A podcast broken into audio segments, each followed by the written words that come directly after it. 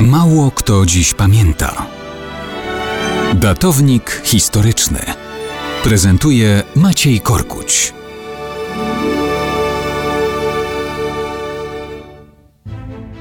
Mało kto dziś pamięta, że 28 stycznia 1573 roku uchwalono akt Konfederacji Warszawskiej, słusznie wpisany na listę UNESCO Pamięć Świata, czyli listę najważniejszych dokumentów dziejów ludzkości.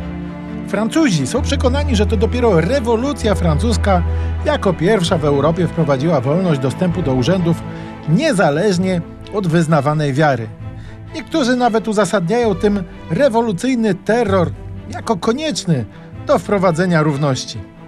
To zresztą dość typowo francuskie i w tym wypadku zupełnie niezasadne przekonanie o własnej nadzwyczajności. W Polsce nie trzeba było żadnego terroru, aby w nasze zasady ustrojowe została wpisana tolerancja religijna. Wiele wieków przed francuskim rewolucyjnym zamętem. Od czasów Kazimierza Wielkiego istniała u nas ugruntowana tradycja współistnienia różnych wyznań. W Europie XVI wiek był czasem zbrodniczych wojen religijnych. Tam właśnie w połowie wieku wprowadzono zasadę cuius regio eius religio, czyli czyja władza tego religia. Oznaczała ona, że władca narzucał religię wszystkim swoim poddanym. W Polsce w tym czasie panował pokój i tolerancja religijna.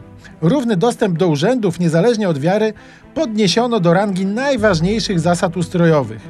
Akt Konfederacji Warszawskiej podkreślał równouprawnienie w zakresie praw publicznych wszystkich obywateli różniących się w wierze chrześcijańskiej, jak to sformułowano.